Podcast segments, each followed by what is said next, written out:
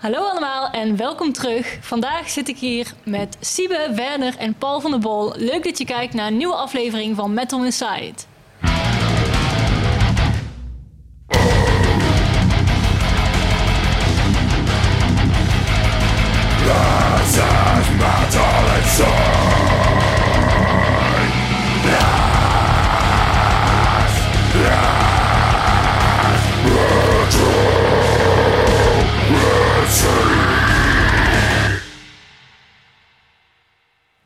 Leuk dat jullie er allemaal weer zijn. Het thema van vandaag is sessiemuzikanten. Zoals ik net al zei, is mijn collega Paul van der Bol weer van de partij. Ja, ik denk niet dat jij nog een introductie eh, nodig hebt, denk je? Ja, de- denk Of je. wil je- wil je graag? Eh, Dan, we houden eh, het gewoon heel kort. eh, Paul van der Wol, PR en communicatie bij Landnoord. En Bam. eh Hatsflat. Gaan we gewoon door. Yes, en onze gasten van vandaag zijn Werner en Siebe. Wil jij even beginnen met voor te stellen voor de mensen die jou niet kennen? Zeker. Hoi, ik ben eh, Werner, eh sessiemuzikant. Speel ik eh, vast in eh, Aviations op dit moment. eh band uit Boston. Eh, en ja, over het, al het sessiewerk gaan we het straks hebben. Dus ik denk dat dat wel goed komt. Zeker. Siebe, wil jij je ook even voorstellen? Ja, nou Werner, dat klonk echt super voorbereid, dus eh chapeau. Was het niet, maar dankjewel. Ehm, ik ben Siebe Sol. Ik ben eh, bassist van eh, meerdere bands zoals Phantom Elite, Blackbriar, Sorted Pink, eh, mijn Rage Against the Machine tribute band, Rage Against the System. En eh, ja, ik ben super blij hier te zijn. Het voelt ook als mijn tweede thuis. Hier zat mijn opleiding, dus eh, ja, Ja, jullie ook weer te zien. En jou ook weer, dus eh wordt een leuk Ja, gesprek. leuk dat jullie er zijn. Laten we er even op proosten. Proost, jongens. Cheers. Yay. Mm. Ja, sessiemuzikant. Dus jij zegt, ik ben bassist van een tal bands. Ja. Ehm, maar jij bent dus sessiemuzikant. Je zit niet vast in die bands, toch? Ehm, vaak onder voorbehoud, of dat het soms niet besproken wordt, of toch uiteindelijk weer wel. Ehm, ja. Sorry, ik val meteen even stil. Nou, dat weer. maakt niet Ja, uit. Ehm, maar ja, dat dus vaak word ik eh, gevraagd om mee te doen voor een optreden bijvoorbeeld. En het gebeurt vaker dat ik dan uiteindelijk voor Beetje- meerdere optredens gevraagd word. Dus een soort, ja, een beetje blijven hangen, grijs gebied, maar eh vind ik Eh, geen probleem. Is het dan bewust dat je bent daar natuurlijk ingerold? je doet een keer een klusje en dat ga je steeds vaker doen. Eh, maar is, is jouw doel dan ook om dat alleen maar als sessie voor meerdere bands te doen? Of wil je eigenlijk wel naar eigen bands toe uiteindelijk? Of eh, vind je dat juist fijn? Of? Ik vind het nu vet om zo op die manier een beetje door te groeien. Om steeds eh, meer ervaringen op te doen met heel veel verschillende mensen. Dat helpt echt om gewoon veel mensen te leren kennen. En ja, je moet het natuurlijk ook leuk vinden om nieuwe mensen te leren kennen. Ja, ik vind dat echt fantastisch Ja. leuk. Maar ja, het is dan wel uiteindelijk mijn plan om zo op die manier door te groeien. En als ik ergens gezetteld ben voor iets, ja, iets heel tofs. Ja. Wat ook mijn uiteindelijke doel is, dat ik daar dan ook natuurlijk eh, blijf zitten. Oké, Ja. alright. En hoe zit dat bij jou? Ja. Ja, bij mij inderdaad best wel een soort gelijk verhaal. Ik denk dat ik ook met, met heel veel... eh, eigenlijk met het project, ik had net al eventjes over aviations bijvoorbeeld, maar dat is ook ooit begonnen als dus ja, een, een sessieopdracht. Het was de eerste tour die we gingen doen. En het was ook helemaal niet het idee om daar vast in terecht te komen. Maar inderdaad, zoals Siebe al zei, het kan gewoon gebeuren dat je ergens ook heel leuk aardt en dat het gewoon ja, precies is wat je wil dat het is. Ja. En ja, zo heb ik eigenlijk heel veel sessieopdrachten. Ook na een tijdje is het zo gegaan dat ik vast in zo'n band heb gezeten voor een tijd, er een jaar of twee in zit en dan misschien toch weer doorgroeien naar iets anders. Dus ja, dat kan echt alle kanten op. En er zit voor mij ook niet echt een mega vast plan in. Behalve eigenlijk bij Aviations. Want dat is wel echt, ja, dat is mijn, mijn vaste stack. Dat is ook wat ik het allerliefst doe. Ja. Maar ik vind het heel vet om met allemaal verschillende projecten bezig te zijn. En ook zo je muzikale grenzen te blijven verbreden. En jezelf juist heel erg te ontdekken. En je eigen stijl ook eh, ja, te ontdekken. Wat vind ik eigenlijk Ja. vet? En dat doe je meestal door gewoon uit, uit te voeren. Zeker. En ben je daar ook blijven hangen zeg maar, door sessiewerk? Of ben je daar wel meer vanaf het begin al bij betrokken geweest? Nee, nee, dus die band bestaat al sinds 2012. Die jongens die zijn elkaar tegengekomen eh, op hun opleiding. Die zaten op Berkeley allemaal in Boston.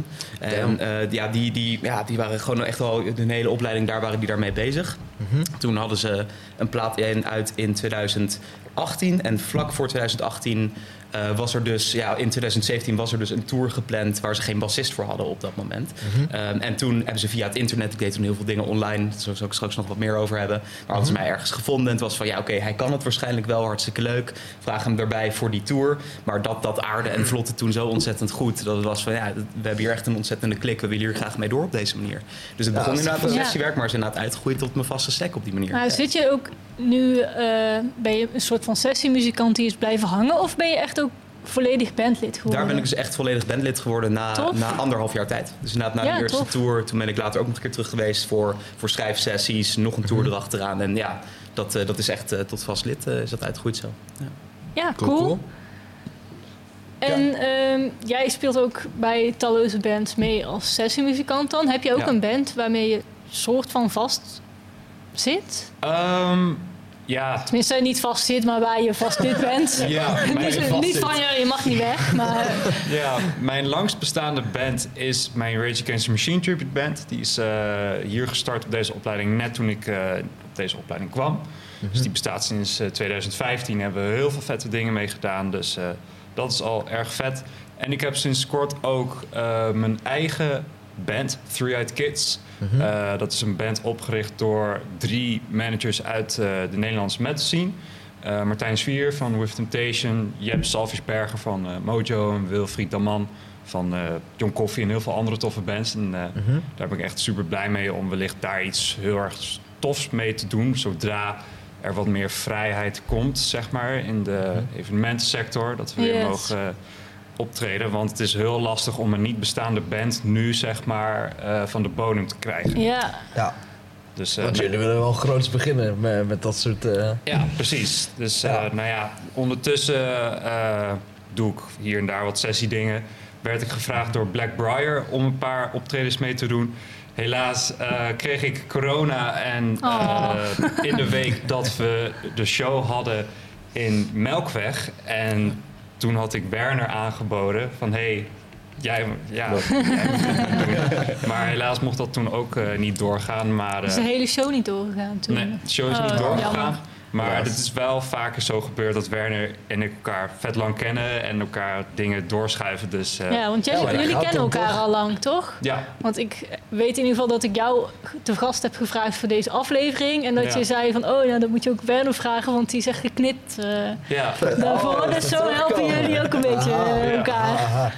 Ja, dat is alleen maar leuk, toch? Als je op die manier dingen voor elkaar kunt krijgen. Zeker. ja. Hoe kennen jullie elkaar dan? Internet. Daar is, daar is het wel echt begonnen inderdaad. Eh, Ja. ja. zeker. Ik weet, het, het allereerste contact weet ik niet meer heel precies. Maar het was inderdaad in een fase dat, ja, dat we allebei wel eens wat filmpjes aan het plaatsen waren en Ja. zo.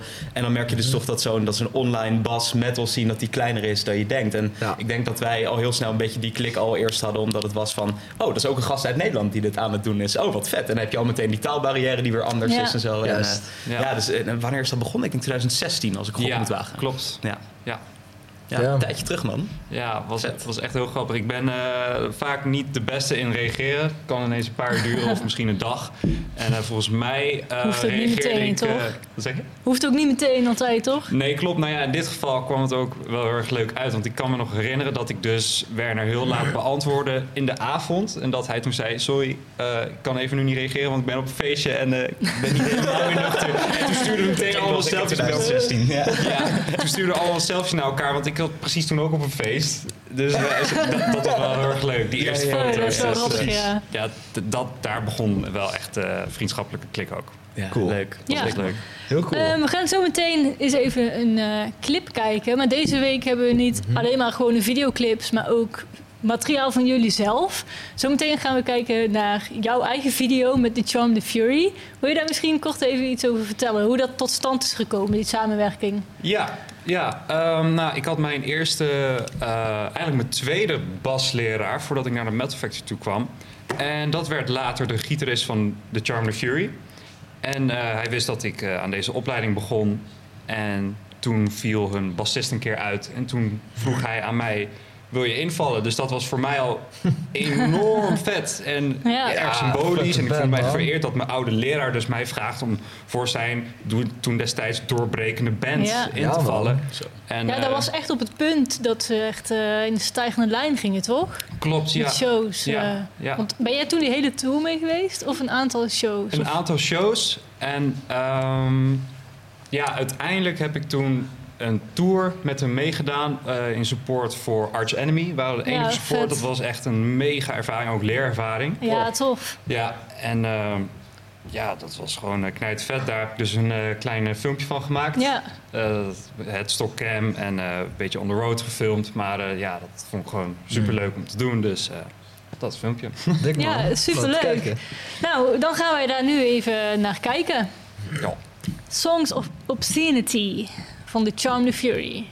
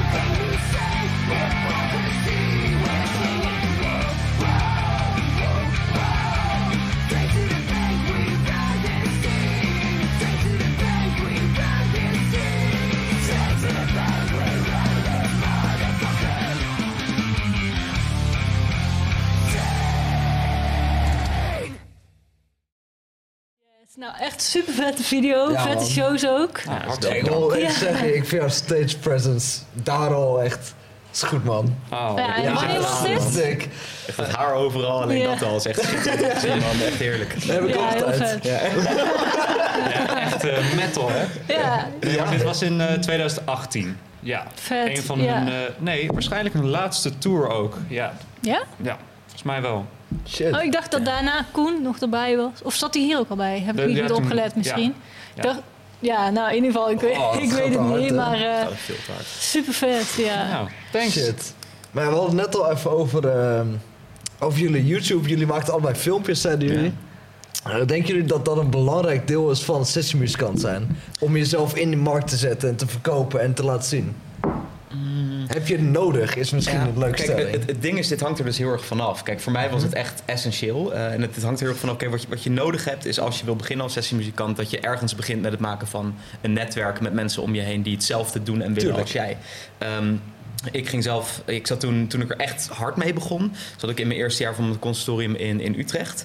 En dat was echt een, een jazzopleiding. Ja. Eh, en eigenlijk niemand daar om me heen die was met, met metal-achtige dingen bezig. Gewoon echt letterlijk niemand. En ja, ik zat toen ook in die periode niet zo heel lekker in mijn vel. Het leverde behoorlijk wat frustraties op, want ik had ook een beetje in mijn hoofd van, weet je, ik kom daar terecht. Nu ga ik mensen vinden die hetzelfde willen en dan gaan we dingen doen. Was niet zo. En toen was het dus zo van, Ja, ja, dat oké, nou, valt dan moet ik ergens dan. moet ik mijn ei kwijt. En toen ben ik dat dus inderdaad gewoon maar op YouTube gaan gooien, dat eitje.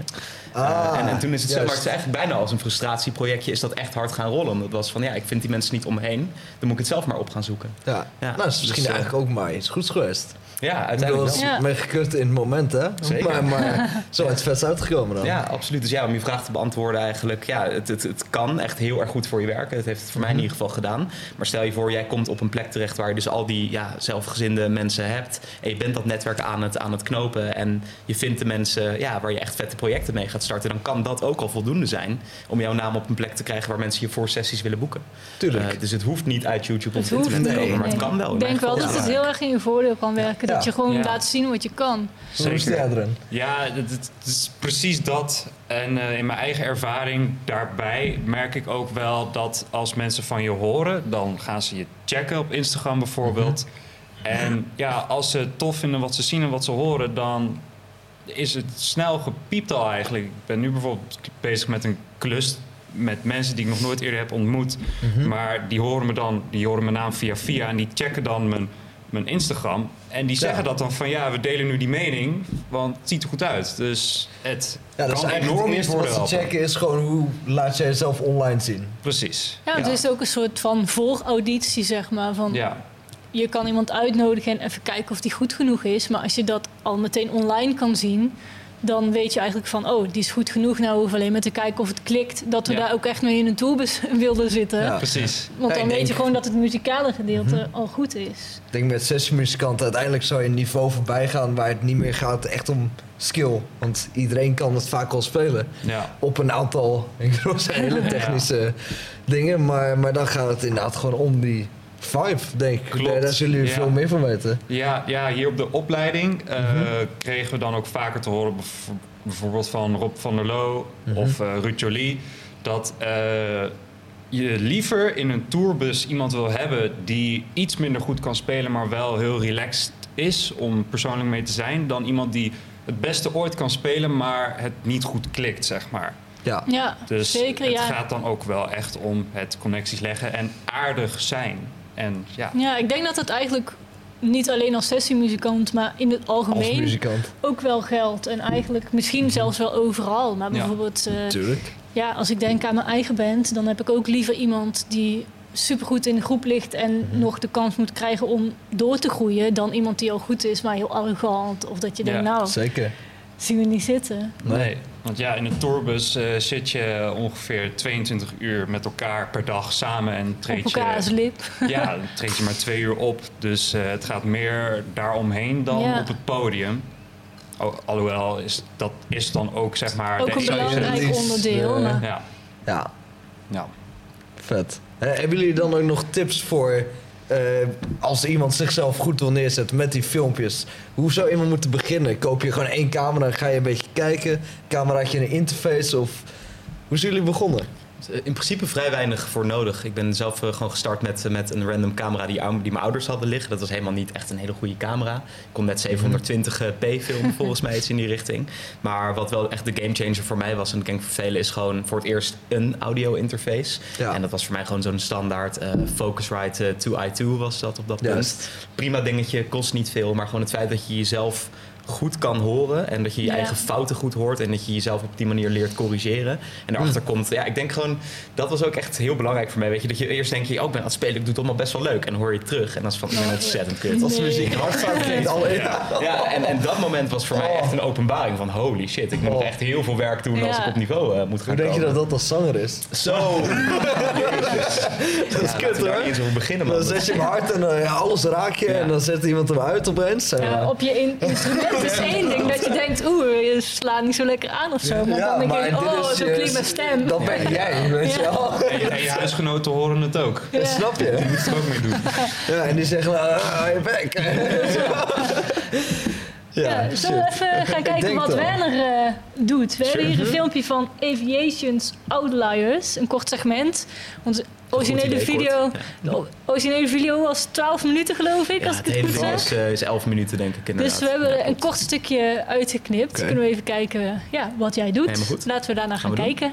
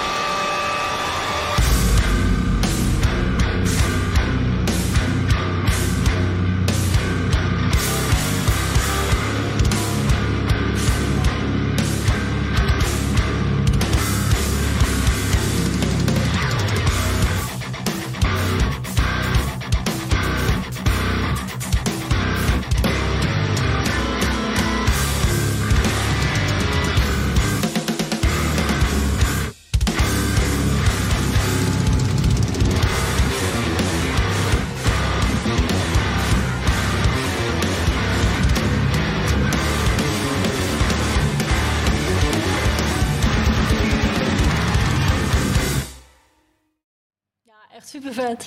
Dat is sick. Goeie gitaar En dus dan trouwens. eigenlijk, eh, Ja, daar hou ik echt van. ja, dan Shit. eigenlijk twee minuten uit een, eh, een hele clip van 12 minuten. Dus mocht je het vet vinden, zeker even checken. Check het Op online. YouTube. Doe het. Online checken. Alright, ja, Ja, ik, ja, ik wil het eigenlijk nog even hebben over de documentaire Hired Gun. Ik begreep dat jij hem nog niet kende. Siebe, Siebe mij, wel. Eh, ik heb hem één keer gezien. Mhm. Dus eh, misschien zit ik er helemaal naast. Maar het gaat over sessiemuzikanten. En hoe dat eigenlijk best wel een klein wereldje is. En dan gaan ze op een gegeven moment naar Alice Cooper. En dat is een beetje de top voor die mensen. En als je bijvoorbeeld in zijn band hebt gespeeld, als je daarvoor bent uitgekozen, dan, dan kan je overal aan het werk. Ja. Weet je wel? En, Ja. en zo gaan ze al die mensen een beetje bekijken. En, en dat gaf voor mij echt een ander inzicht op sessiemuzikant. Ja. Want, ehm, vergeef me mijn woorden. Maar toen ik eerst sessiemuzikant hoorde, toen ik op school kwam, daar was het een beetje vies in mijn mond. Dat ik zo van, ja, sessie, andere mensen, ik wil gewoon mijn eigen shit doen, weet je wel. Ah, op die manier, ja. En, ehm, en, en toen dacht ik van, ja, eh, praising, nee, ik wil gewoon deathcore. Weet je wel, allemaal heel, heel eh, kleppen op. Maar, maar als je zoiets dan ziet, dan zie je dat er een hele wereld is. En ja, jij hebt hem ook gezien. Hoe, hoe ervaar jij die film? Zie jij dat wereldje ook zo? Is dan in Nederland iets vergelijkbaars misschien mee? Ja, zeker. Alleen zijn er niet zo snel bands als Alice Cooper. Tuurlijk. Maar eh, ja, het komt, eh, komt wel op hetzelfde neer ongeveer. Ja. Ja, het geeft Ja. wel een mooi kijkje in de, wat sessiemuzikantschap is, denk ik. Ja, zeker. ja, die is ook echt aanraden om te kijken, man. Dat moet ik wel gaan doen. Ook voor de mensen. Gun. Ja, Hired Hired Gun op. Netflix, toch? Staat hij op Netflix? dacht ik. In ieder geval online, zoek het op. Online. Ja. Maar niet downloaden, dat is illegaal. Nou, dan eh, gaan we nu meteen door naar het wekelijkse metal nieuws van onze stagiaire Devony. Elke week maakt zij een kort videofragment voor ons met het metal nieuws van de afgelopen week. Daar gaan we nu even naar kijken. En daarna gaan we meteen door naar de videoclip Architects Royal Oh, Beggars. fuck yeah. Let's go. Hoi allemaal en leuk dat je weer kijkt naar een nieuwe aflevering van Metal Insight. Afgelopen week is natuurlijk weer genoeg gebeurd binnen de metal scene, dus laten we maar weer heel snel gaan beginnen. Leadzanger Jake Lurs van Augustus Burnt Red heeft de tour van zijn band moeten verlaten. Augustus Burnt Red laat weten dat Jack de tour heeft moeten verlaten vanwege een noodsituatie. De band laat in ieder geval in een statement weten dat Jack wel oké is en dat hij later deze maand wel aanwezig zal zijn tijdens Christmas Burnt Red. De leadzanger wordt op dit moment vervangen door Conviction-zanger Michael Faulkner voor de laatste paar shows van de tour. De band Every Time Die gaat ook verder zonder de huidige leadzanger Keith Buckley. Keith laat eerder deze week weten dat hij de laatste drie shows van de tour niet aanwezig zal zijn vanwege mentale problemen. Wel laat hij weten dat hij aanwezig zal zijn bij de show van in zijn eigen stad. Niet veel later laat de band weten dat de overige drie shows wel zullen spelen en dat ze fans op het podium zullen vragen om de nummers mee te gaan zingen. Dit leidde weer tot een nieuw statement van Buckley waarin hij aangaf zich verbannen te voelen van de band. Later werd de tour alsnog afgezegd vanwege een positieve coronatest van het voorprogramma van Every Time I Die. De band heeft laten weten het erg vervelend te vinden om de tour op het laatste moment alsnog te moeten afblazen. En ze laten weten in gesprek gaan met Buckley om de problemen binnen de band in eh, de privéomgeving te gaan oplossen. Marilyn Manson was eerder genomineerd voor twee Grammys. Namelijk voor Grammy voor Album of the Year voor het album Donna van Kanye West, waar Manson namelijk schrijver en producer van was. Zijn tweede nominatie is voor Best Rap Song, ook in samenwerking met Kanye West. Echter heeft Kanye Manson uit de lijst van de schrijvers gehaald voor het nummer Jail, omdat er een nieuwe versie uitkwam. Eh, en Manson daar dus niet aan mee had gewerkt volgens West. Ook was Manson te horen op het genomineerde nummer Jail, maar daar is hij natuurlijk niet langer meer op te horen. Alleen op Jail Part 2 is Manson te horen. Maar dat nummer is dan weer niet genomineerd voor een Grammy helaas. De Recording Academy laat wel weten dat het intrekken van Manson's Grammy helemaal niks te maken heeft met de aantijgingen die tegen hem zijn gedaan. Het gaat volgens hen dan echt alleen om de muziek en de rechten die daar aan wij zijn verleend aan de schrijvers en niet om wat de artiest doet buiten het maken van muziek om. Dit was weer het met de nieuws van deze week. Volg alle social media kanalen van Loud Noise om op de hoogte te blijven van alle leuke dingen die je staan te wachten in 2022. En ik, ik zie jullie volgende week weer terug. Houdoe! Royal Baggers.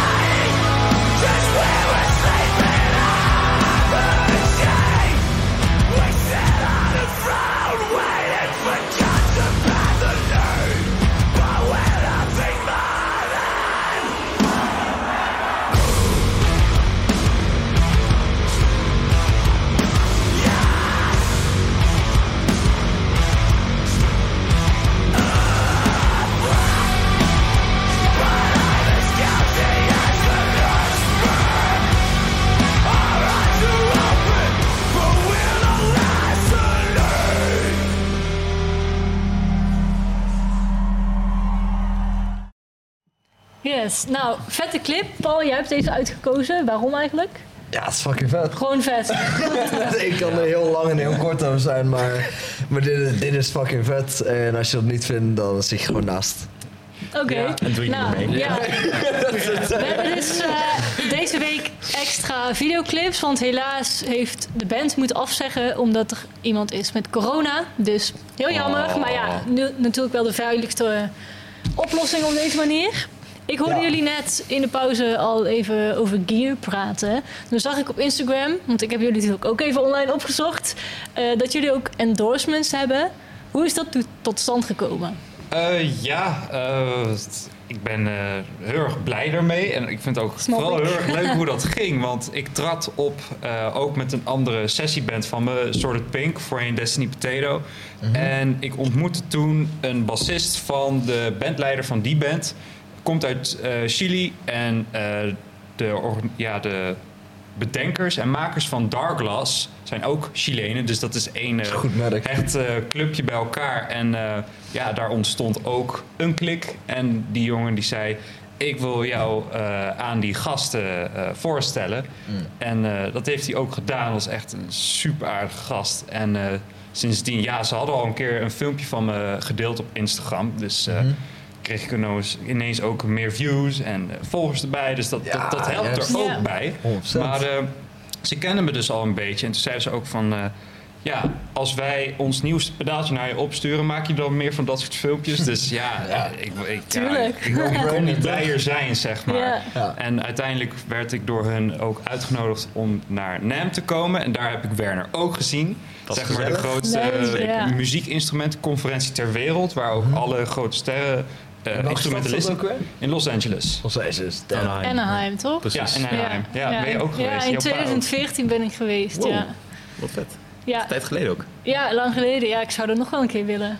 Ja, Zullen we met z'n Ik allen moet gaan? er nog Kom, let's go. Ja, ja, ja. zien. Dus, ja, dat eh, was heel vet. Maar daar hebben jullie elkaar dus ook ontmoet. Ja, daar Of jullie kenden elkaar al, We toch? kenden elkaar en eh, toen had ik Werner maar heel even helaas gezien, want ik kreeg de zogenoemde NAM-thrax. Ik eh, werd ziek op het, vlieg, op het vliegtuig. En eh, ik kon uiteindelijk nog maar naar één of twee dagjes NAM gaan van de vier of vijf. Ja. En toen precies eh, kwam ik eh, Werner tegen, maar toen stond ik buiten een beetje lucht te happen. Want het is wel heel erg benauwd binnen en heel erg prik, heel veel prikkels, heel veel geluid en alles. Ja, vooral bij de drumafdeling.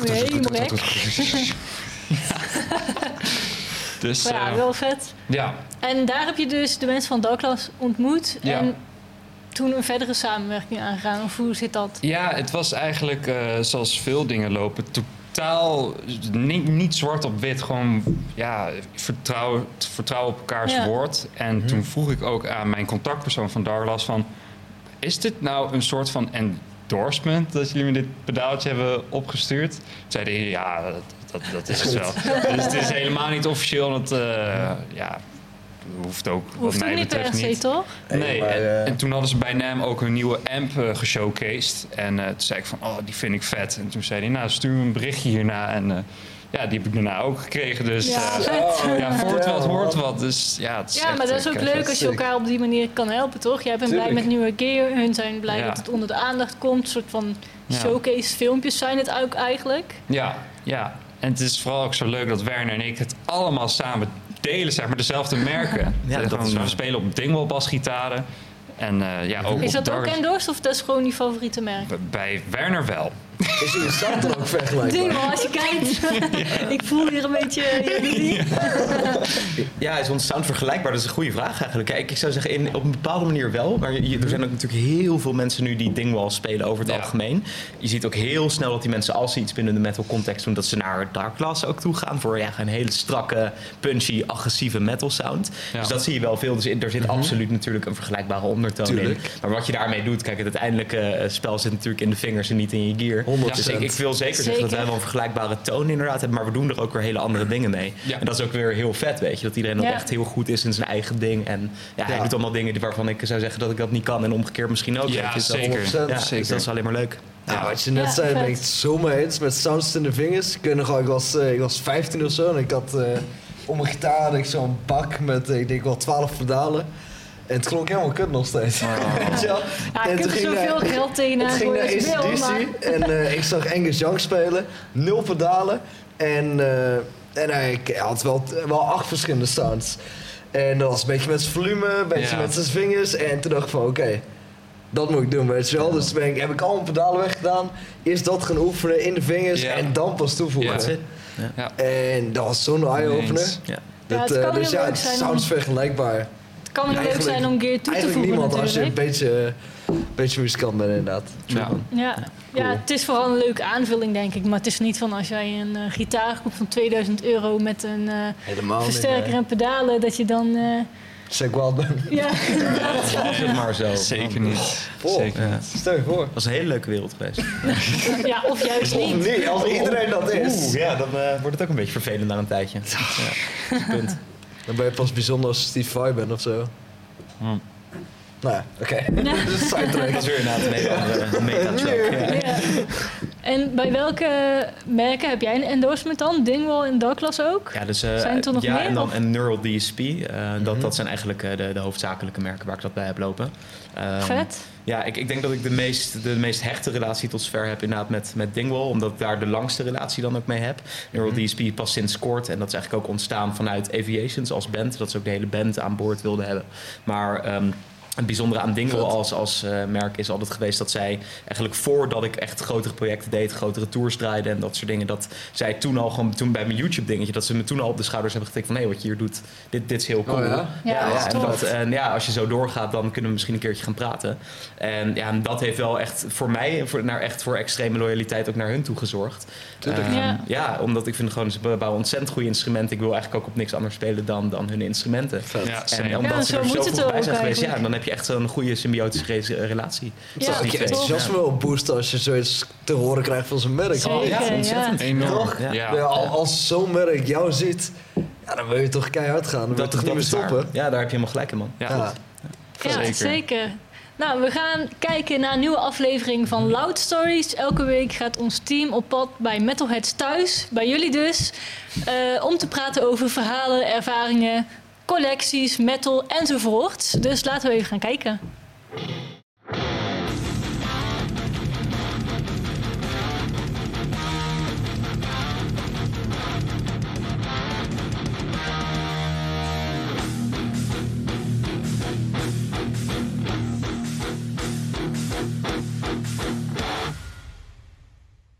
Hoi beste metalheads en welkom bij een nieuwe aflevering van Loud Stories. Elke week spreken wij metalheads uit het hele land. Ik ben Merel en vandaag zit ik hier met Marco. Zou je jezelf eens kunnen voorstellen? Nou, ik ben Marco Verdempel. Ik ben eh, bijna 44 jaar, 43 jaar. Sorry. Ik eh, zit in de metal scene vanaf dat ik eigenlijk eh, kon lopen. Nee, vanaf een jaar of 6, 7. En het sprak mij gewoon heel erg aan. En mijn ouders op school dachten ze van wat raar, want ik was altijd een beetje een, ja, een heel bang muurbloempje.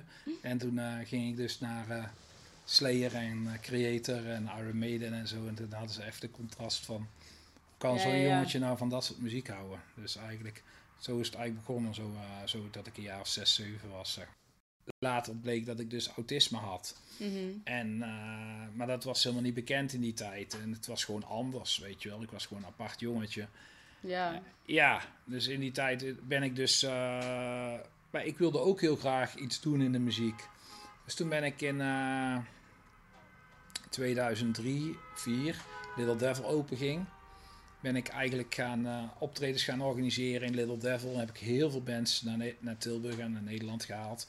Later ben ik ook bij Willem 1 gaan werken. Bij de, ook in, in, eh, met Tjerk samen in 013 bands gehaald. eh, nou ik heb van alles gedaan, zeg maar. Allerlei bands naar Nederland gehaald. Dus, en, en, en Ja. Bladteek en zo is het een beetje begonnen. Want ik begreep ook dat je bandscout bent. Nou, band Dus- Scout niet officieel, maar ik ben altijd bezig Ja, met bandjes te ontdekken. Ja. Precies. Ehm, wat voor bands heb je dan ontdekt? Of welke bands ben je het meest trots op? Nou ja, goed, ik ben heel erg trots eh, op het feit dat eh, die jongetjes eh, Vincent en Jonathan... eh, Vincent was maar 11 en ik zag in zijn hem heel veel talent als drummertje. dat ik eh, eigenlijk Carnation, dat dat een beetje een van mijn dingetjes Mhm. die ik heb grootgebracht, ook in Solitude. Die jongens die waren 13, veer- 14 jaar, Pelle was 14 jaar. Hartstikke jong. Dat ze naar Nederland haalden en iedereen verklaarde me voor gek. En Little Devil wilden ze niet hebben. Twee jaar later stonden ze in de grote zaal van 113. Dus dat is ook wel een ding. Ja. En ook bands als eh Attic, Ketzer, Evil Invaders natuurlijk, met Joe, een van mijn beste vrienden. Eh, wat, eh, ja, eh Doodswens natuurlijk, dat het weer een connectie had. Die ken ik weer via haar vrouwtjes ex-vriend. Dus ik ben ook heel erg veel, zag ik ook heel veel potentie in. Nou, dat is ook gebleken. Daar heb ik ook natuurlijk de, het debuut, de demo op C, LP, CD Ja, en want cassette. dit is ook van jouw eigen platenlabel. Klopt, ja. Oké, en wat voor bands ehm, zitten er bij het label? Is er een release waar je, waar je het meest trots op bent? Nou ja, goed, ik heb nou 100, ruim, 100 ruim 170 eh, Oh pla- platen en cd's en cassettes uitgebracht. 170 releases. Waar ik heel trots op ben, is in ieder geval dat ik een heel hoop... eh, ik heb hier een aantal dingetjes bij die ik kan laten zien. Ja? Nou, doodswens natuurlijk. Ja, precies. Die Vrouwtje hadden we net eh, gezien, ja. Natuurlijk heel trots op de meiden. Iedereen eigenlijk. Ondanks dat ik niet altijd naar de shows ben, kom, eh, draag ik de meiden een heel warm hart toe en hoop ik dat ze het heel goed doen. Dus ja, dat is de doodswens. Nou, Final Decree ben ik ook wel heel trots op. Dat is, een, eh, dat is ook een van de latere, nieuwere releases, zeg Mhm. maar. Is met allerlei bekende US metal artiesten. En eh, ook weer dingen heel erg... eh verder is eh Godmore natuurlijk, die ik op Lifelong, ja, dat is ook een van de releases die recent zijn. Dat is een beetje sludge, hardcore, stoner. Oké. Maar er is ook veel internationale bands. Ook dat, maar bijvoorbeeld hier heb je bijvoorbeeld een band die ik ook op alle, alle drie de formaten heb uitgebracht. Godmore. Oké. Dus eigenlijk ja, ehm, ik ben eigenlijk overal wel, elke, elke release heeft wat, zeg maar. Ik kan er wel meer laten zien, maar ik denk dat we daar niet geen tijd voor hebben. Maar eh, ja, goed, eh, ik ben wel trots op mijn releases en het worden ook steeds grotere bands eigenlijk. En we blijven ook het oog houden voor de kleinere bandjes natuurlijk, want die hebben ook hun aandacht nodig en een eh, opstapje. Ja, precies. Dus ja. Ah, vet. Ehm, als je terugkijkt op alles wat je hebt gedaan in de metal scene, want dat is aardig wat, begrijp ik nu. Mhm. Is er dan één herinnering die daar uitspringt? Nou, mijn eh, vriendschap met heel veel bekende bands eh, eh, die ik mo- heb mogen opbouwen. En, eh, met Felix en met een aantal jongens van Bay Area. De jongens van Creator en Sodom. Dat zijn wel echt dat, dat, dat, dat ik die jongens heb mogen leren kennen na zoveel jaar fan. En dat Ja, ik die ja. echt als vrienden en dat ik daar echt mag komen met kerst en met oudjaar en met verjaardagen. Ja, dat is natuurlijk super vet. Dat is wel echt mijn... eh, mijn eh, Kan ik me dat voorstellen. is echt het mooiste wat ik heb kunnen wat ik heb, ja, dat had ik nooit mogen kunnen verwachten eigenlijk. Ja, ik wil jou graag bedanken voor het interview. Ja. En ik wil de kijkers thuis graag bedanken. En tot de volgende keer. Nou, dat was het meer voor deze week. Altijd leuk om te zien. Zometeen gaan we een stukje luisteren van Solid Pink, van eh, de band waarin jij speelt. En jij had er nog wel wat leuk, leuks over te vertellen, zei je net. Ja, eh, dat begon ook hier waar wij nu zitten, in dit gebouw. In Dynamo. Want eh, ik, was, ik zat net op de opleiding. Ehm, ik was 16, 17 jaar ongeveer. En ik dacht van, ik wil spelen. Ik ga gewoon allemaal eh, bands af die in mijn Spotify staan, die ik heb geliked. En dan ga ik op Facebook een beetje, een beetje kijken eh, of daar wellicht iets staat betreffende een bassist of die ze zoeken of zo. Dus echt bij de derde band kwam ik toen Destiny Potato tegen destijds. En ehm, daar stond toen in hun biografie op Facebook... looking for a live bass player in caps lock. Toen dacht ik van, oh damn, deze, deze band vind ik echt vet. Dus toen ging ik kijken wie de bandleden waren. En toen zag ik dat een van onze leraren, Stef Brox...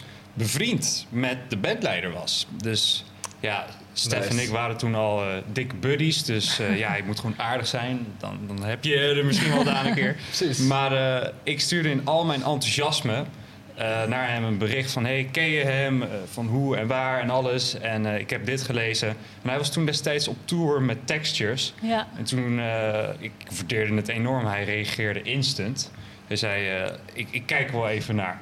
En toen, eh, een half uur later zei hij dat hij een heel lang bericht voor me had gestuurd naar de bandleider David Maxim Mitsic. En eh, nou, ik eh, was eh, erg dankbaar. Ik was, eh, Ja, super tof. Ja, Als een docent eh, je nek, zijn nek uitsteekt voor je. ja, Ja, man. want David Maximicic is een bekende pro-gitarist, ook van Berkeley uit Boston. En heeft een hele naam en carrière en alles.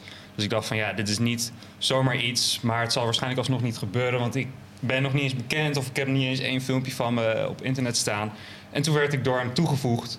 Want Stef was dus een idool van David door textures. Oh, ja. Dus, en dit was ook Dus die dacht, als Stef het zegt, dan moet het wel goed zijn. ja, dus Nice. dat was echt mijn eh, grootste geluk ever.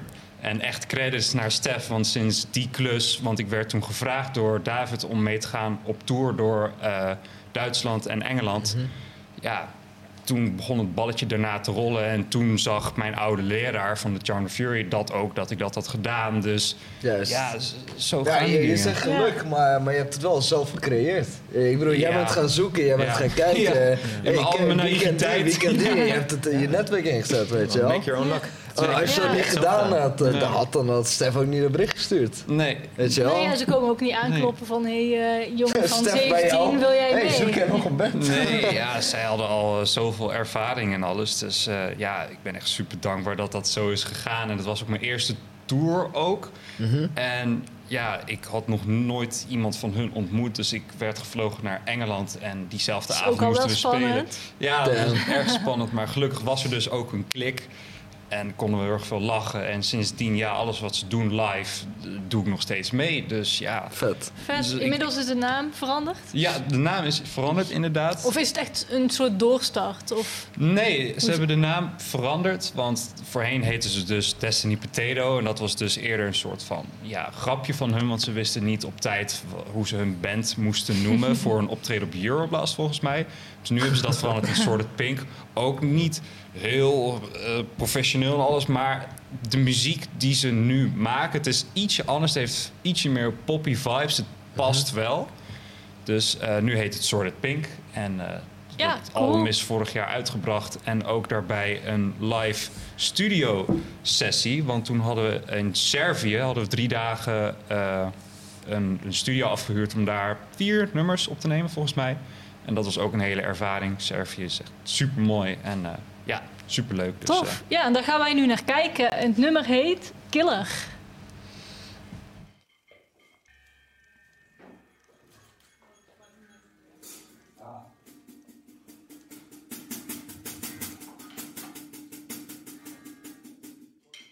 Everyone set. Yeah, we're ready to go.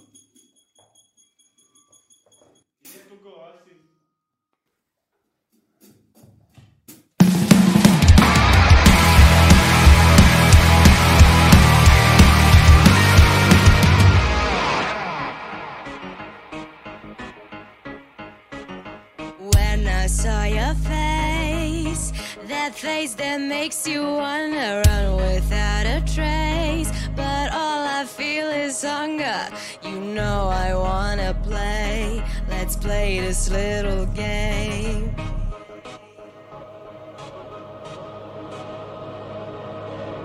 What you waiting for? You love to make me me suffer.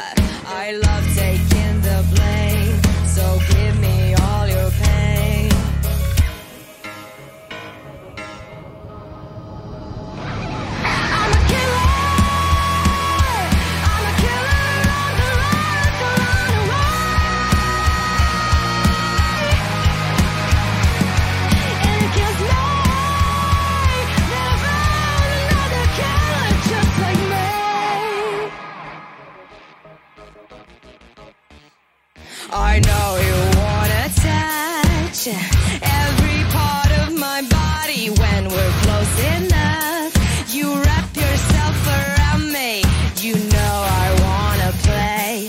let's keep playing.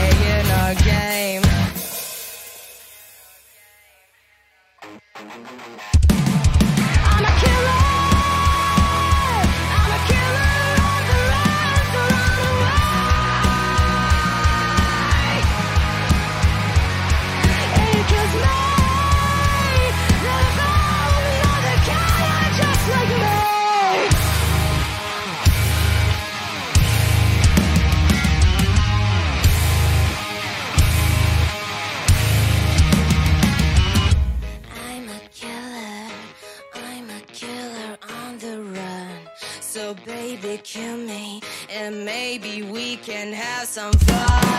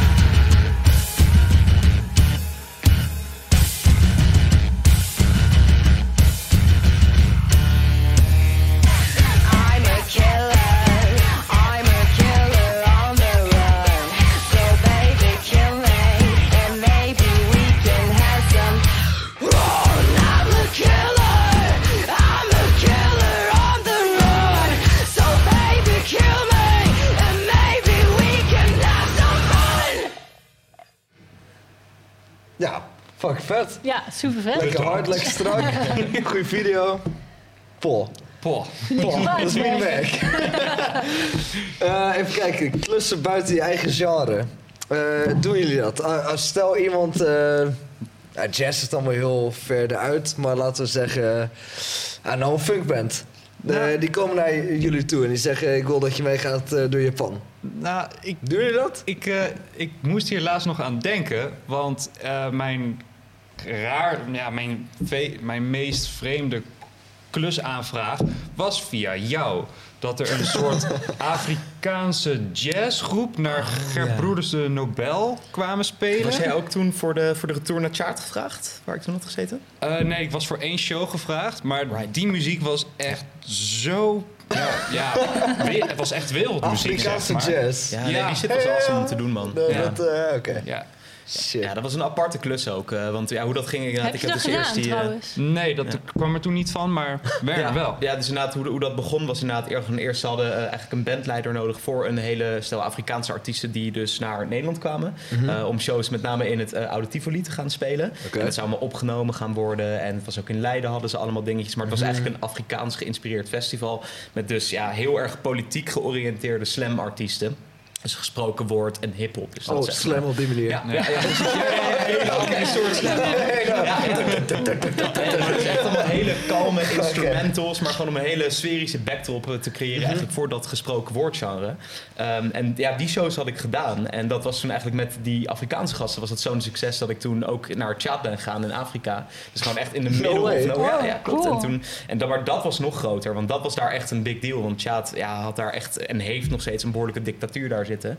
En die gasten die spreken zich allemaal uit tegen dat regime. En wat is Ja. Tjaad precies? Tjaad is een land midden in Afrika. een land, Ja, dus naast Cameroen is dat dan eigenlijk. Oh, en Boko oké. Mhm. Haram zit daar bovenin. En N'Djamena is dan de hoofdstad ervan. Nou, het zit allemaal bij Cam- Cameroen. En dus dan speelde je dan een festival en zij sprak zich uit tegen de overheid daar. Ja, dat is eigenlijk wat er gebeurde. En dit werd, de reden dat dit kon, is dat het allemaal werd gesponsord, zwaar werd gesponsord door de Franse overheid. Die dus voor dit soort dingen eigenlijk ja, Oh, echt ruimte wel. wil creëren. Echt subsidie? En zo. Ja, subsidie inderdaad. En bescherming en allemaal Hoe dingen. komt die eromheen.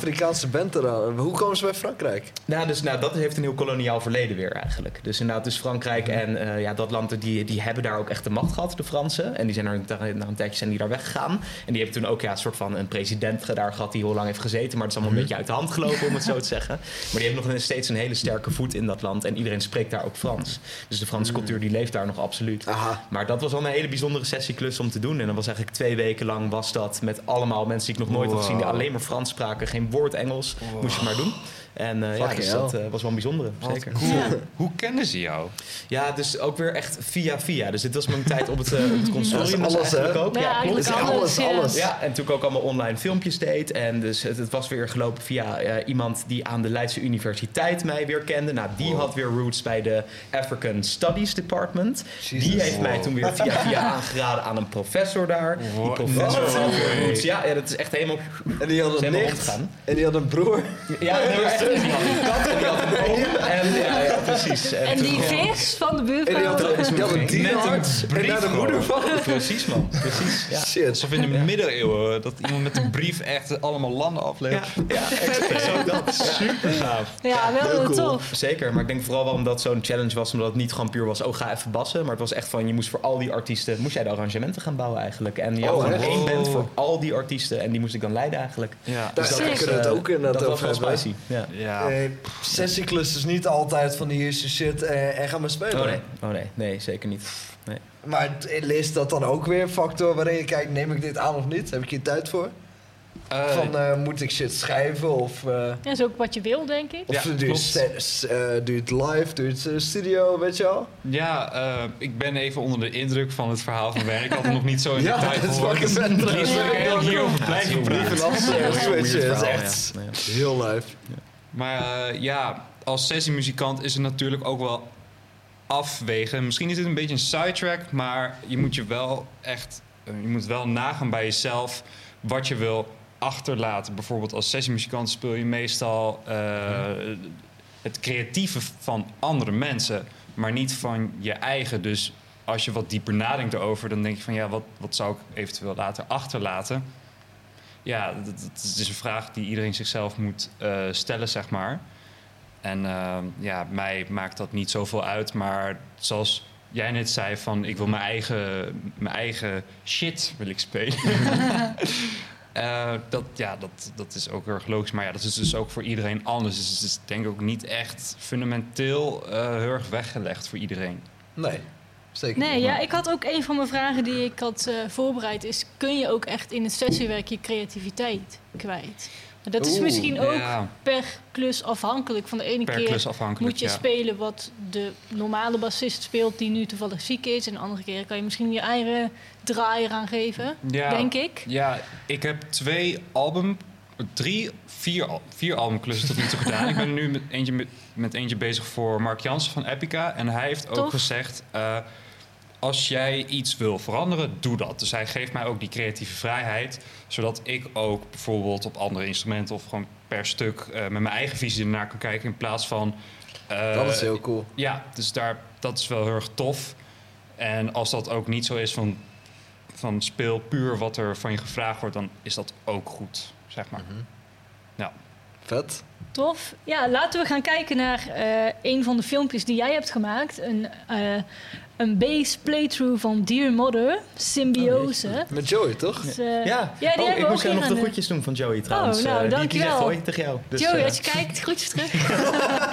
ja, die heeft hier eh, een tijdje terug heeft hij ook hier aan tafel gezeten. ja, ik, ik wist niet dat jullie elkaar kenden, maar hij zei het vandaag tegen me van... Oh, je moet echt de groetjes doen. Ja, en, nou, die heeft hier ook aan Oh, tafel gezeten. Ja, grappig. Kijk, vandaar. Leuk. Dus dit is ja, een van die filmpjes die jij thuis gemaakt hebt. Ja.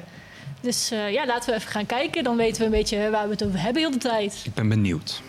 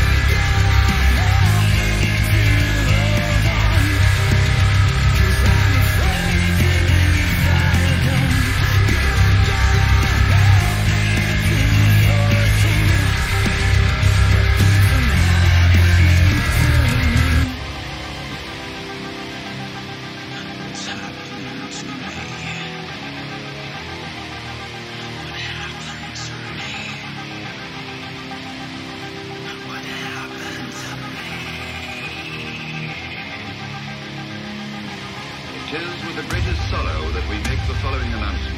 The king, who retired to rest last night in his usual health, passed peacefully away in his sleep.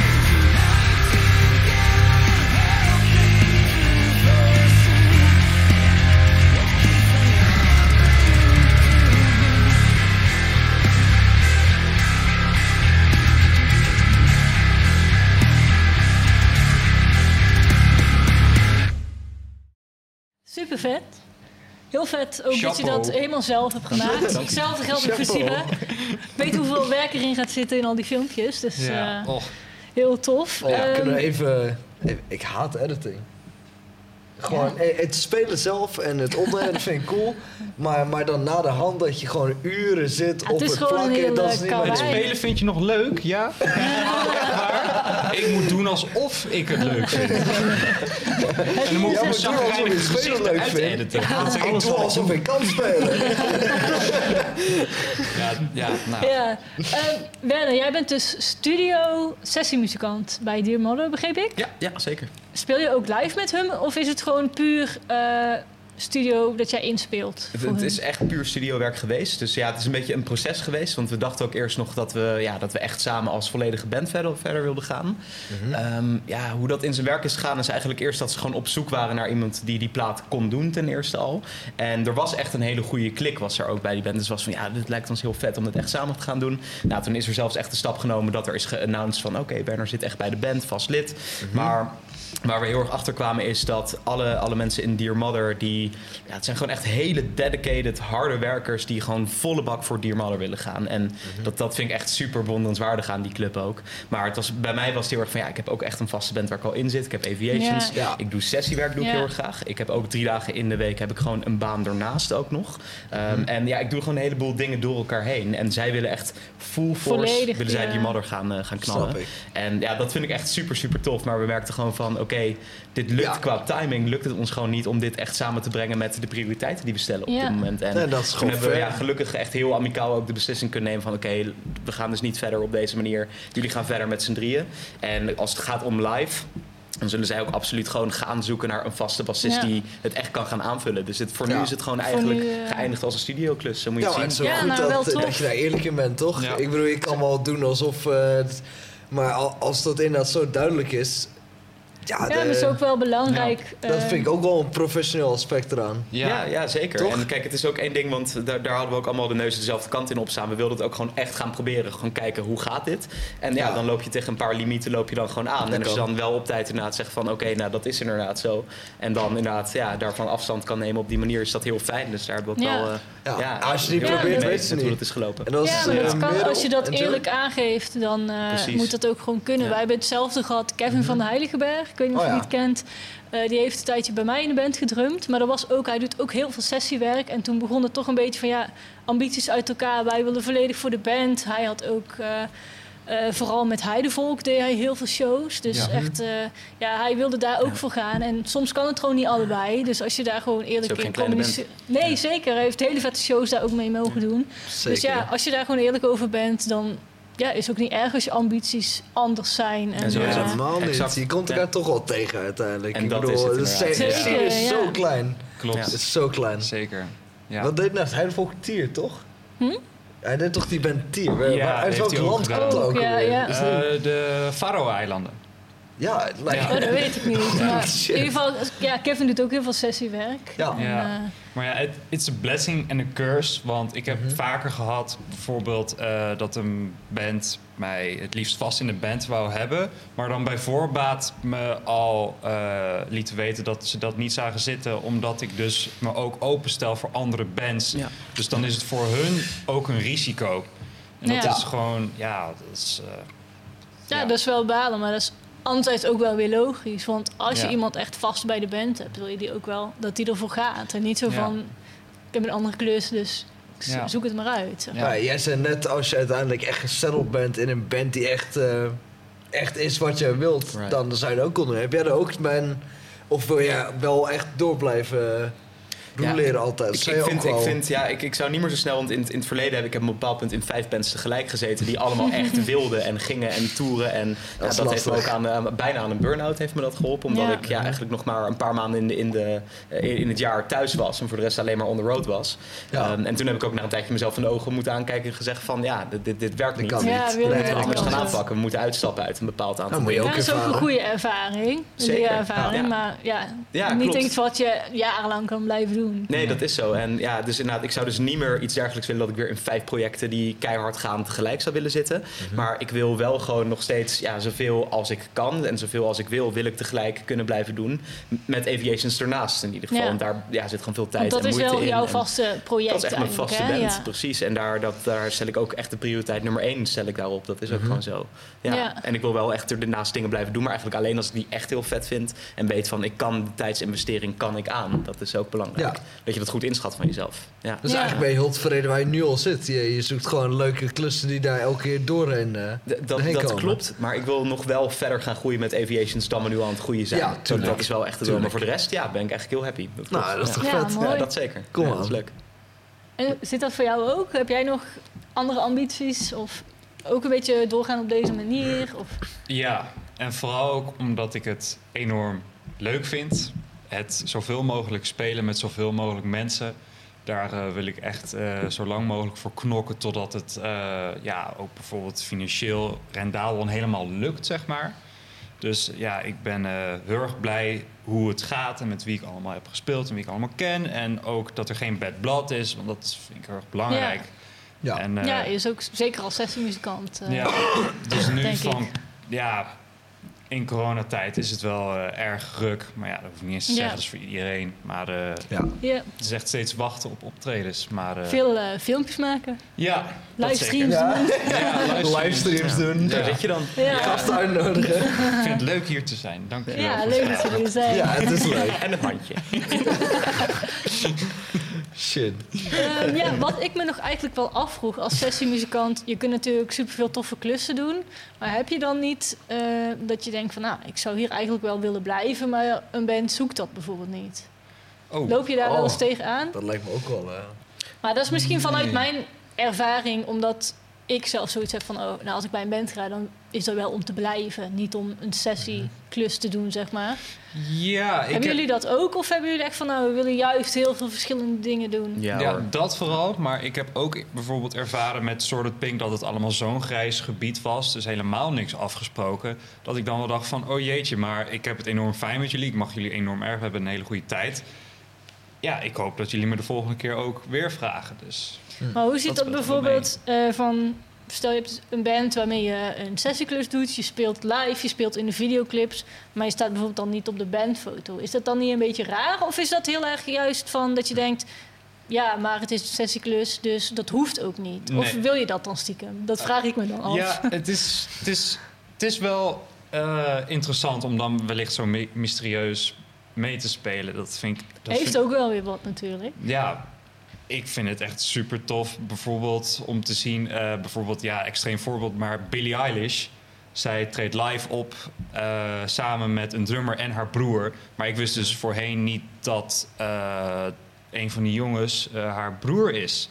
Dus die, die zag ik dan voornamelijk achter de toetsen, maar ook met Ja. een basgitaar om zijn nek. Ik denk echt van, oh damn, het, het gaat om haar. Maar ik vind het Ja. dan als muzikant wel extreem interessant wie dat dan Ja. is. Of bijvoorbeeld als je kijkt naar een band als Fever 333, die spelen niet met een bassist live Ja. op, maar dan ja, als bassist, als sessiebassist denk je dan wel van... oh, wat lijkt het mij vet om met hun mee te spelen. Dat Ja. het alsnog om hun gaat. Als zet je, zet je mij een hoekje of zo... dan, dan vind ik dat alsnog Ja. heel vet. Het is ook een beetje... live shows Ja, maar is, het ook, is echt eh, bizar, hè? Ja, ja, precies. Dat, eh, dat, dan pak je Ja, al eens Ja, het is. Sick. Maar ehm, wat ik wou vragen, oh ja, met een popartiest is het natuurlijk wel anders. Bij een popartiest gaat het meestal om de artiest en dan de band eromheen is een beetje van ja, er moet live muziek zijn, dus dan hebben we een band die niet echt in de spotlight staan. Maar hoe zit dat dan in metal? Want vaak heb je echt wel een beetje het standaard rijtje van eh, vocalist, gitarist, bassist, drummer. Maar wat als jij daar dan buiten valt? Hmm, dat- Tenminste, misschien ervaar je het niet als er buiten vallen. Maar... Nee, nee zo, vaar, zo ervaar ik het niet, nee. Nee, oké, mooi. Ja, nou, ik, ik, ik denk, ja, ik vind het wel leuk om op in te haken, want ik denk dat ik het zelf bijvoorbeeld wel wel eens heb gehad. En je zegt van, oh, vind je het niet jammer dat je dan niet dat fulltime kan doen? En Ja. kijk, dan, ik, eh, ik heb dat zeker gehad. Ik zal het ook uitleggen hoe, hoe dat zat. Maar het- voordat ik dat uitleg, kijk, het is heel vaak, er is, er is meestal een reden dat je wordt gevraagd voor een sessieklus. Ja. En dat is misschien, of het is gewoon niet, niet financieel mogelijk voor iemand om als een muzikant mee te nemen de hele wereld over. En dan ben je een lokale hired gun. Ja. Of het is gewoon, het is, het is eigenlijk een solo project of een bedenksel van iemand en die wil dat ook zelf doen. En die wil dus Ja. alleen sessiemensen erbij hebben. Weet je, er kunnen zoveel redenen zijn om dat te Ja, hebben. En klopt. bijvoorbeeld bij mij heb ik dat eh, gehad met met I Built the Sky, daar hadden we de Euro- Europa Tour die we ook deden, ook hier gespeeld toevallig. Ehm, en ja, dat is een band uit Australië die eigenlijk gebouwd is om één vent heen. Ehm, en die is gewoon ontzettend goed in wat hij doet. Die schrijft ook alle nummers. En ja, het is eigenlijk zijn solo project en live heeft hij daar mensen omheen. Oké. En de realiteit is niet, niet alleen dat, want hij zou heel graag met een vaste band willen spelen. Maar als hij naar Amerika moet of hij moet naar Europa en hij moet een hele band met zich meevliegen, Ja, super duur. dat is wel een Ja, financieel en- en streep ja. door. ja, ja, precies. En kijk, hij moest al bij ons moet je natuurlijk gewoon een loon betalen om mij een hele maand op, eh, op het podia neer te zetten. Eigenlijk. En dat kost al geld. En Ja. daarbovenop dan moet je ook nog vliegtickets normaal erbij gaan betalen Ja. voor iemand. En allemaal dingen komen erbij kijken.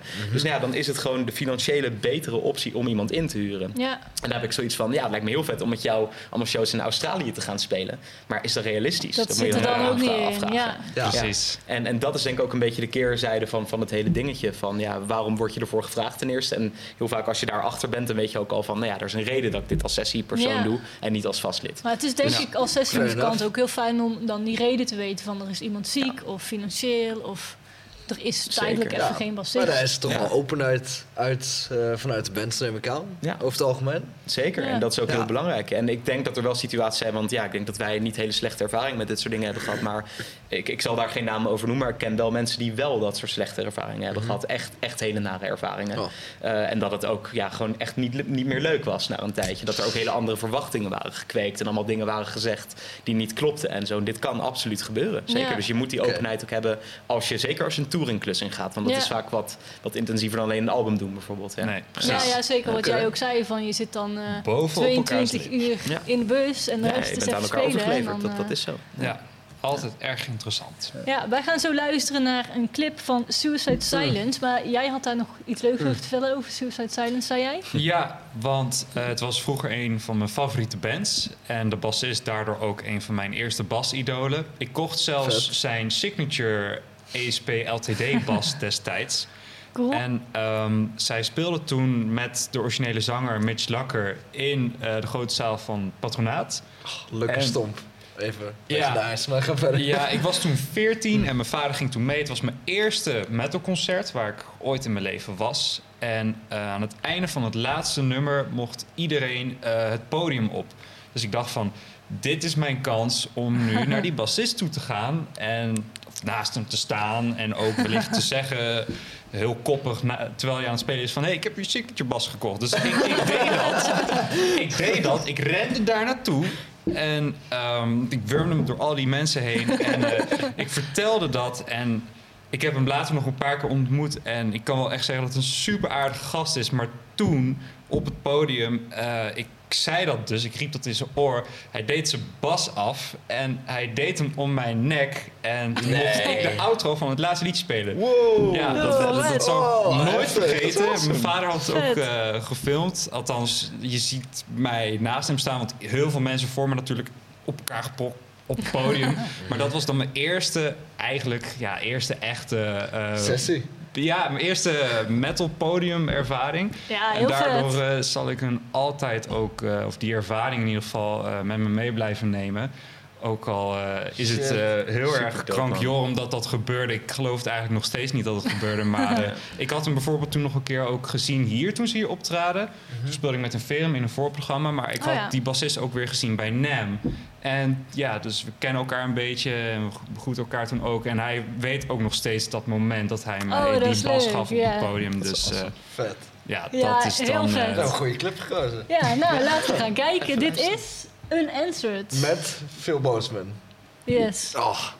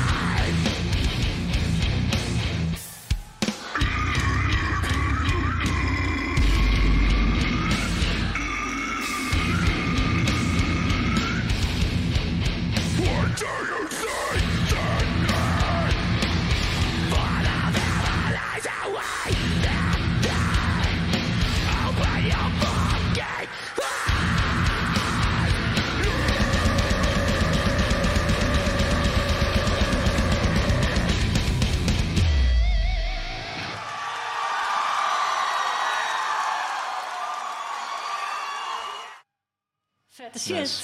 Heel vet. ja. Enorm. Ja, we zijn shit. alweer bijna bij het einde van de aflevering aangekomen. Mhm. Misschien is het leuk om nog eh, ja, de laatste paar minuten af te sluiten met gekke backstage verhalen. Ja, Altijd ja. heel leuk om te horen. Hebben jullie iets eh, grappigs? Eh, wil jij eerst? Nou, kijk, het probleem met gekke backstage verhalen is... de meeste mag je gewoon eigenlijk niet zeggen. Nee, dat is nee, gewoon dan- 100%, dan leg je 100%. mensen gewoon ontzettend voor blok. Dus ik denk dat ik de, de meest gekke daar eigenlijk een beetje uit moet censureren. Maar ja, ik, of je laat namen weg. dat kan Kan je wel natuurlijk ook, zeggen maar dan kunnen mensen het wel heel makkelijk terugtraceren over het Oh. algemeen. Dus Ja, eh, dat is ook niet de bedoeling. Dat, dat, laat ik, dat laat ik denk ik zitten. Ja, goed. Laat ik er, laat ik er eentje bij pakken, omdat het ja, een beetje een eh, groepsdingetje is. Eh, dit, dit, was, ehm, dit was toen we met ehm, I Built the Sky, Monuments en Heart of a Coward... toen wij eh, Finland speelden. Nou, je, moet je, je moet je hier voorstellen om in Finland te komen ten eerste als, eh als touring party. Dat is echt heel lastig. Ik weet niet, dit heb je volgens mij ook wel eens moeten doen. Dat je naar Finland moet ten eerste al, Ik right? ben, nee, nee, ik vind het super vet dat je daar bent geweest. Ik nog niet. Cool, cool. Nee, dan, dan ga ik het uitleggen. Kijk, het probleem daarmee is, om daar te komen, de, de route die je zou rijden, logischerwijs, is dat je begint misschien Nederland-Duitsland, dan ga je naar Denemarken, nou, dan ga je, ga je naar het noorden en dan moet je uiteindelijk oversteken. Via Scandinavië moet je met een boot, bijvoorbeeld, moet je naar Finland toe. Dus waarom heel weinig bands het ook ten eerste eigenlijk al doen. Nou, wat krijg je hierdoor? Het is lastig om daar te komen, maar als er metal bands komen, dan hebben er mensen ook, die hebben er echt zin in, op die manier, weet je. Want ze komen er al niet zo vaak, dus als ze er zijn, dan, dan is het echt feest. Nou goed, het was echt een avond waarop er echt ook wat meer werd gedronken dan normaal. Dat moet ik ook wel eerlijk zeggen. En het vette was, ja, kijk, je komt aan in Finland en er lag natuurlijk overal sneeuw. En je gaat naar de backstage. En dat is echt, ja, echt een eh, donker, donker hol, wel veel ruimte, maar gewoon echt, echt donker en super, super klein ook. Dus je moest een beetje bukken om erin te komen. En dan ging zo'n beetje die hele doolhof ging je dan door. En achterin opeens was daar opeens een gigantisch sauna-complex. Ja, was daar dan. dat is al... oh. Ja, ja, dus ja, ja, ja, Lekker. ja. En, en eh, dus eigenlijk op, op dit punt, nou, we hadden dus die show gespeeld, heel veel alcohol was er eigenlijk ingegaan. En op het moment dat die show klaar was, echt niemand die eigenlijk, iedereen zou de loadout moeten doen en daar mee bezig zou moeten zijn. Iedereen was weg in één keer. Zoef naar die sauna toe. Echt katsbezopen met z'n allen in die sauna gezeten. Oh. Een fles eh, Jack Daniels erbij. Nou ja, nog dronkener worden uiteindelijk. Nou ja, dat, dat is wel een verhaal wat me gewoon heel erg is bijgebleven. Dat je met, daar met die hele touring crew zit in zo'n sauna. Iedereen erin gepropt. En eh, ja, daar gewoon een extra uur gezeten. En eh, toen onze deadline gemist van wanneer we verder moesten. Dus, eh, ja. dus dat, Oh, dit zal me altijd bijblijven als iets wat wel heel grappig was.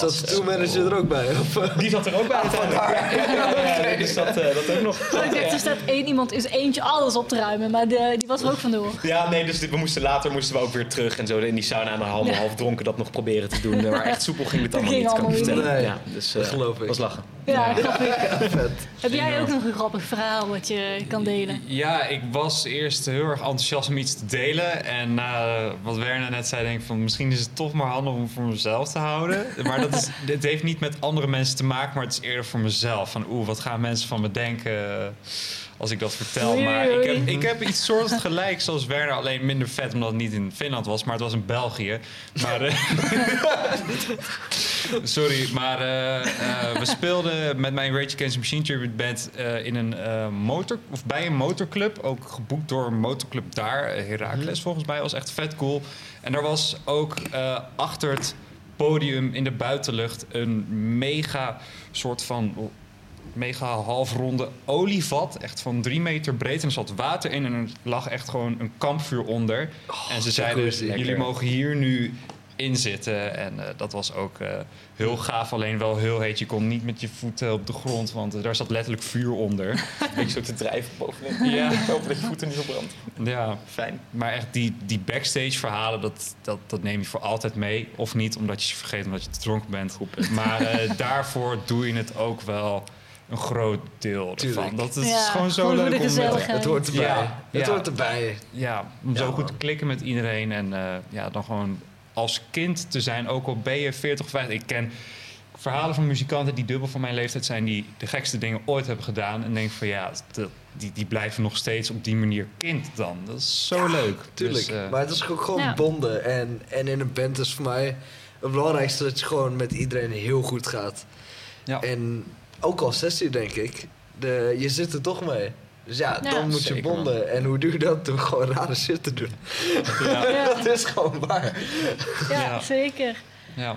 Nou, voor iedereen thuis die benieuwd is geworden naar Rage Against the System, waar Sibe in speelt, op de allerlaatste aflevering van dit seizoen, 22 december, komen jullie hier spelen in de uitzending. Oh, Ja, Dus zorg dat je kijkt. Het is over twee weken, geloof ik. Volgende week hebben we ook een hele vette band, Bark uit België.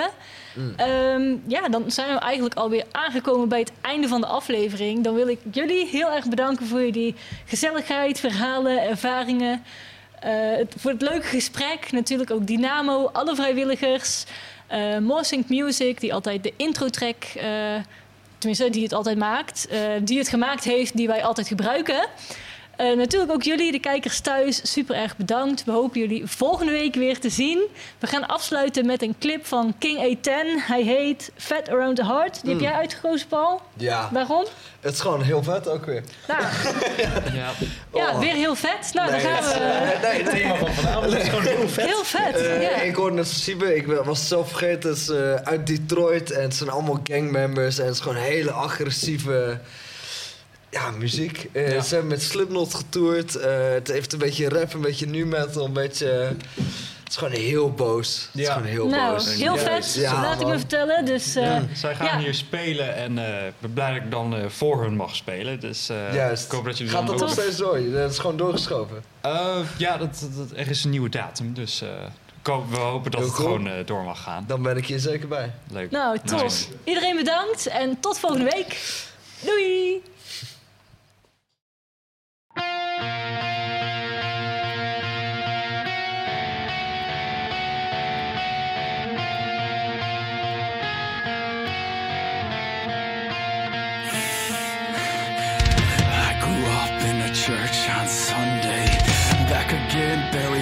on Monday. They don't just die, they are killed from the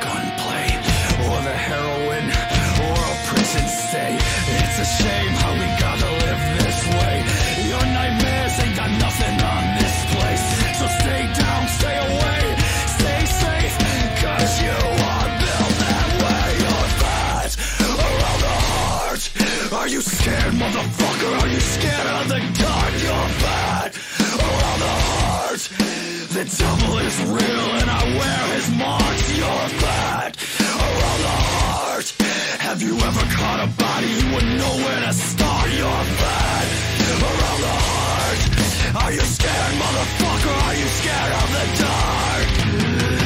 Are you scared of the dark?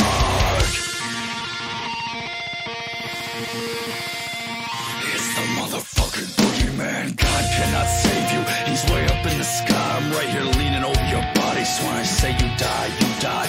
Used to be peasant David till I slayed Goliath. Now I'm King David the wolf. It's in my shadow. I'm a giant and I kill everything that I touch. So don't you shake hands with that demon from the mud.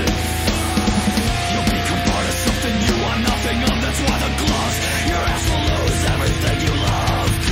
This is war, this is war, scared, motherfucker? Are you scared of the dark? You're fat around the heart.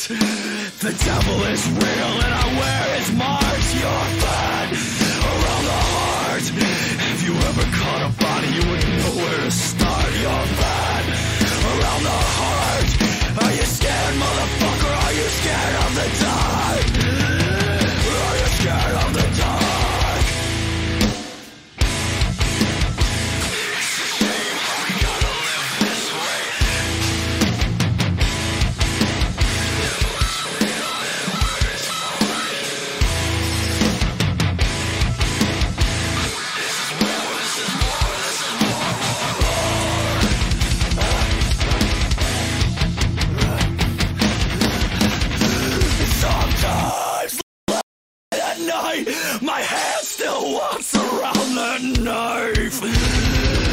When that thing flips open, everything moves in slow motion. It's not right, it's not right. I know it's not, I need to change, but it's this life. And I still feel like I'm chosen to rip this motherfucker open. This is war,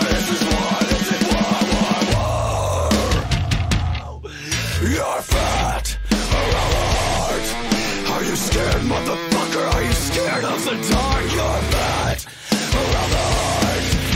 The devil is real and I wear his mark. You're fat around the heart. The king never caught a body, wouldn't know where to start. You're fat around the heart. Are you scared, motherfucker? Are you scared